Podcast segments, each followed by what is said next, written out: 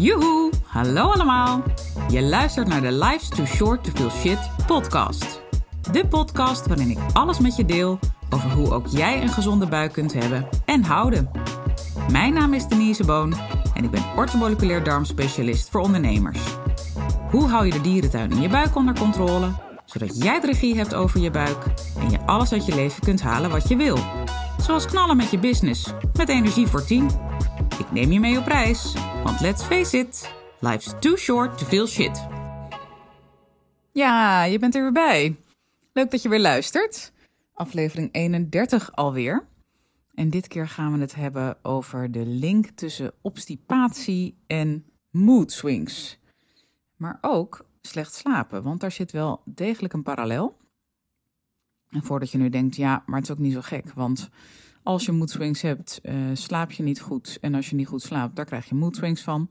Klopt, maar er zit dus ook echt anatomisch gezien een uh, verband tussen. En dat ga ik met je delen in deze 31ste aflevering alweer. Ik vind het eigenlijk best wel snel gaan.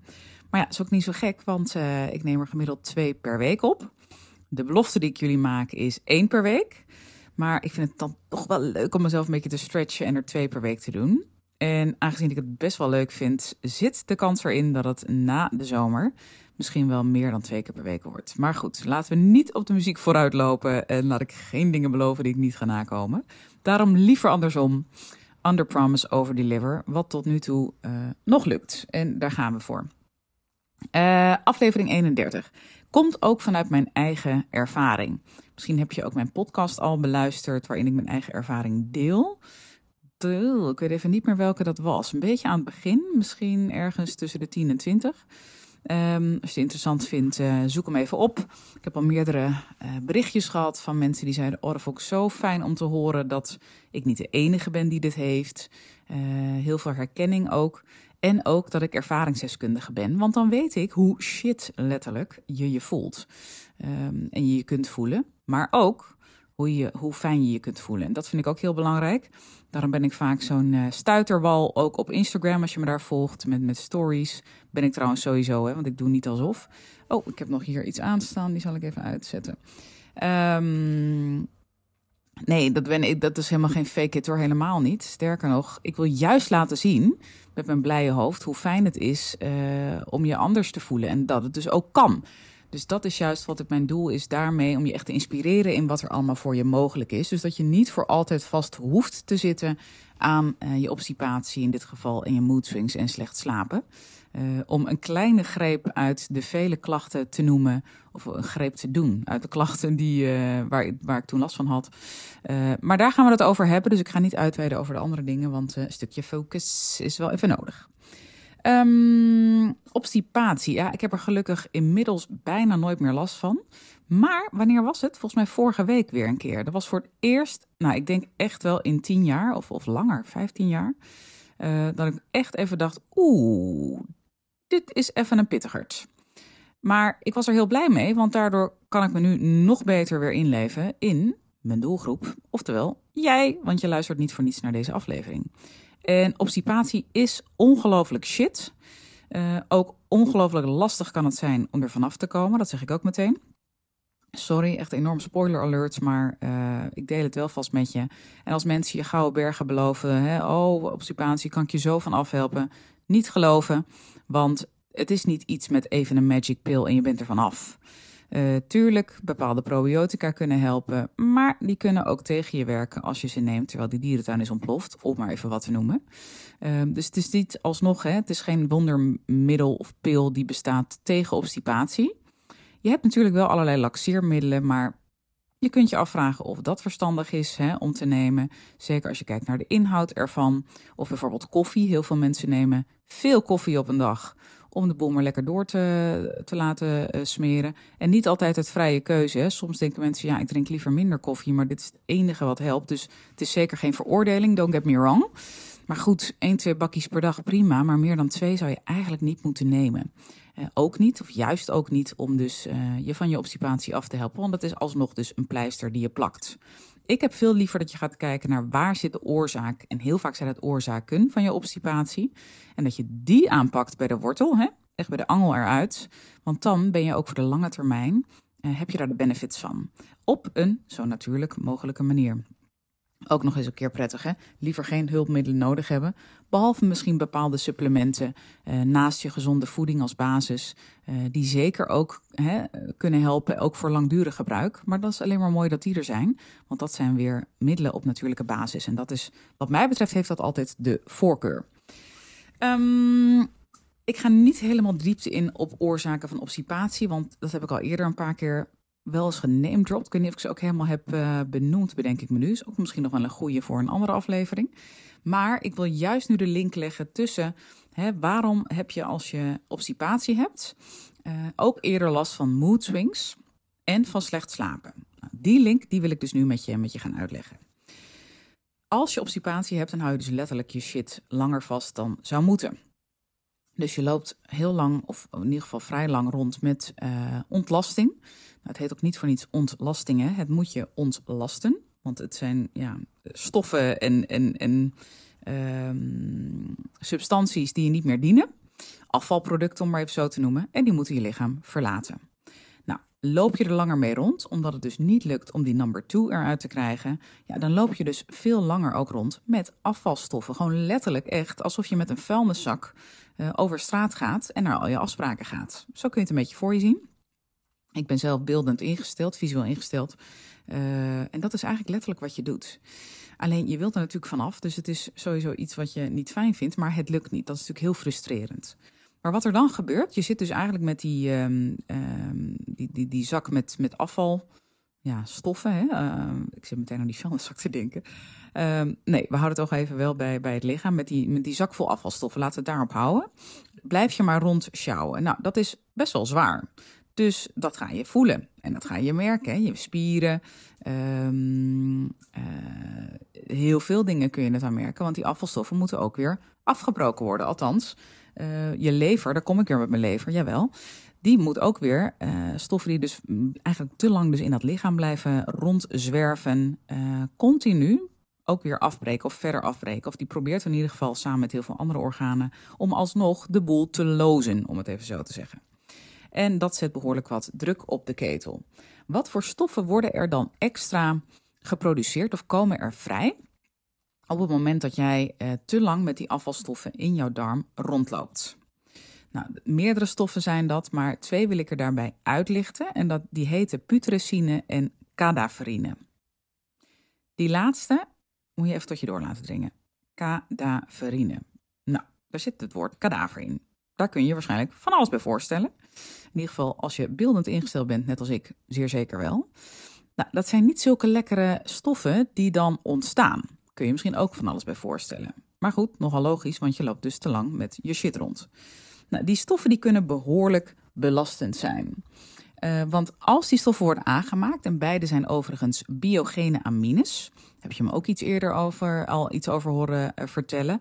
Uh, als ik het over serotonine of histamine heb, noem ik ze ook dat dat beide biogene amines zijn. Nou, dat is ook een, een, een, hele nieuwe en aparte wereld, de biogene aminewereld. heel boeiend ook, maar ook wel behoorlijk ongrijpbaar.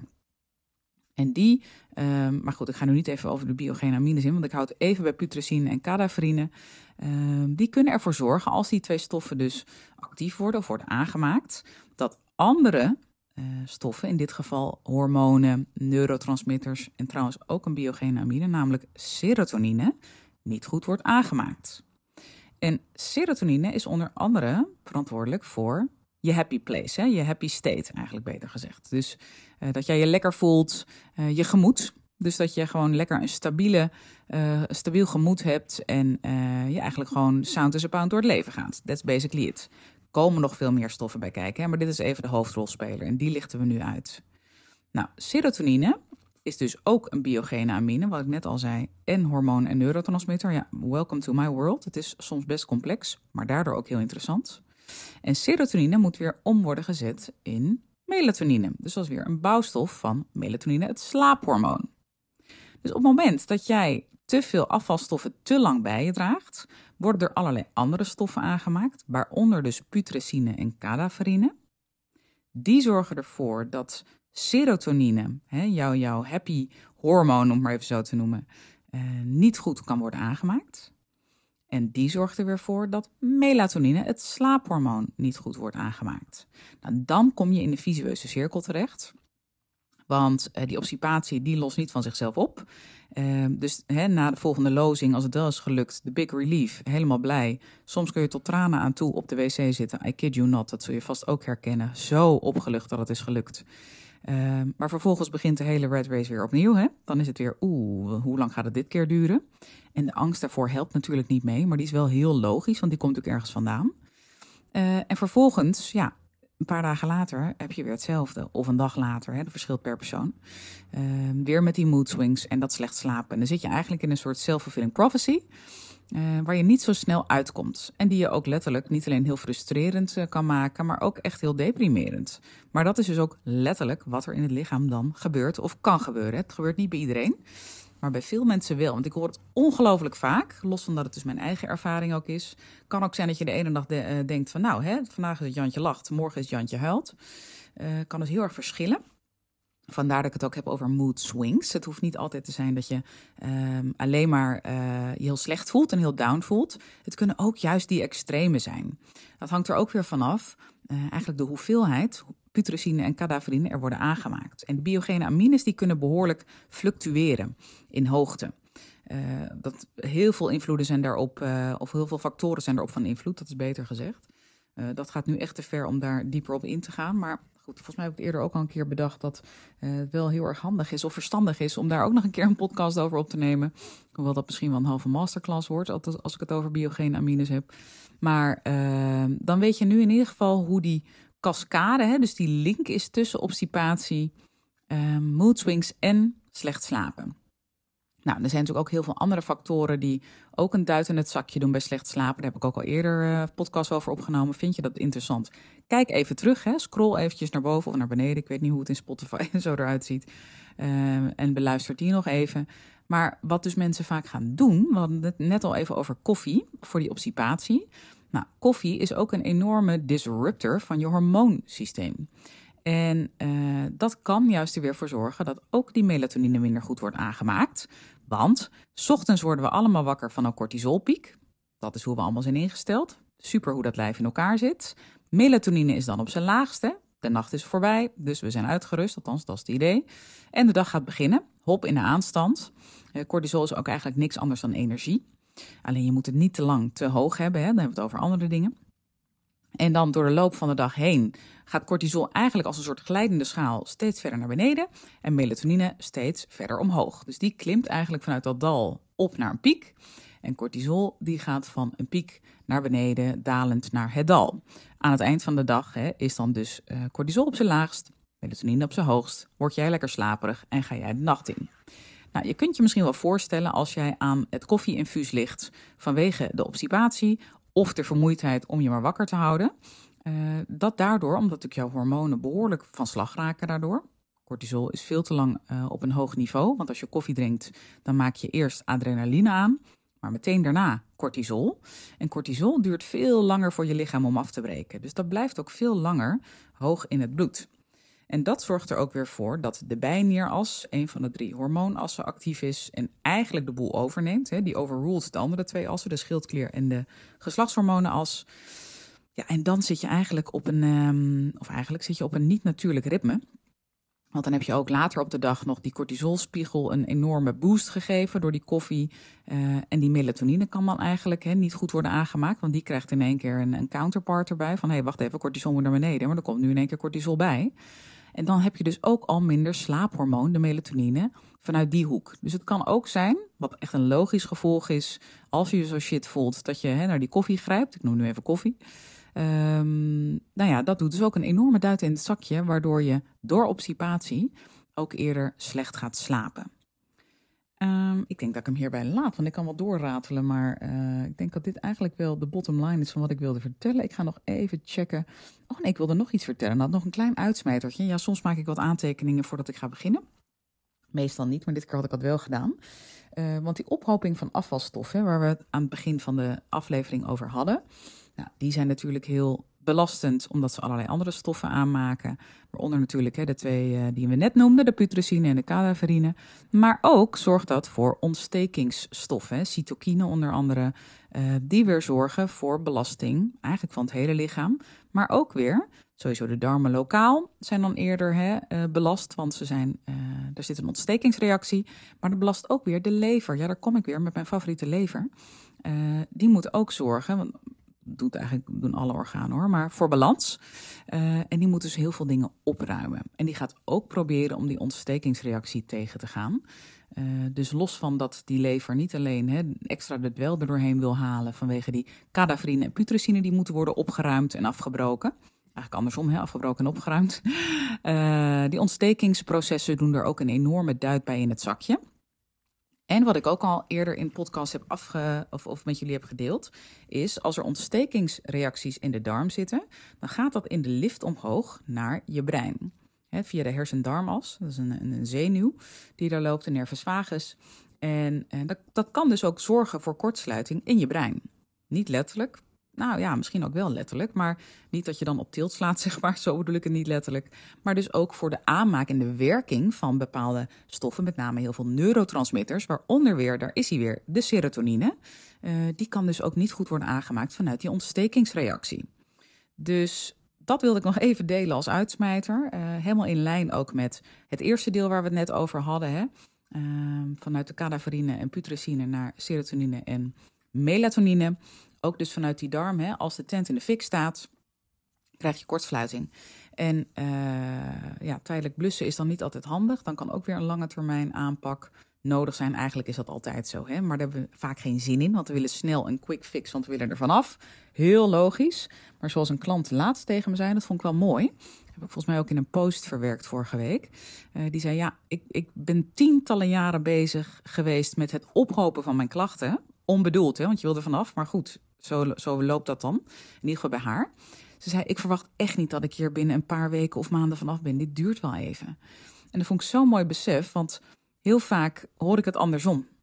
Of heel vaak, niet heel vaak, want de meeste zijn wel, eh, van mijn klanten zijn wel bewust, maar uh, toch kom je het vaak tegen op internet. Misschien is dat beter gezegd van, nou, even die, uh, die magic pill, hè, die ik ook al eerder noemde, en hup er vanaf.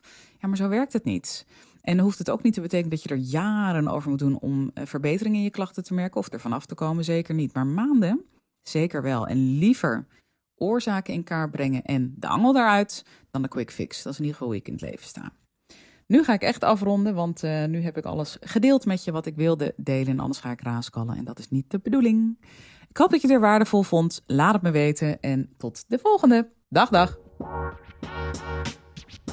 Toppers, bedankt voor het luisteren. Leuk dat je er weer was. Smaakt dit naar meer? Abonneer je dan even op mijn podcast.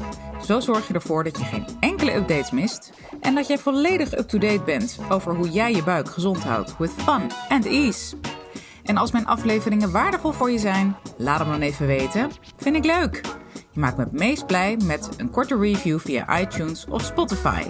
Alleen het aantal sterren aangeven dat jij de podcast waard vindt is voldoende. Je kunt me ook taggen via Instagram. Bijvoorbeeld door een screenshot te maken van de aflevering en die via je verhalen te delen. Met beide dingen, zowel de rating als de screenshot van de aflevering, maak jij kans op een histamine maandmenu kookboek te waarde van 97 euro. De winnaar maken we bekend in de eerste podcast van de maand. Tot de volgende keer!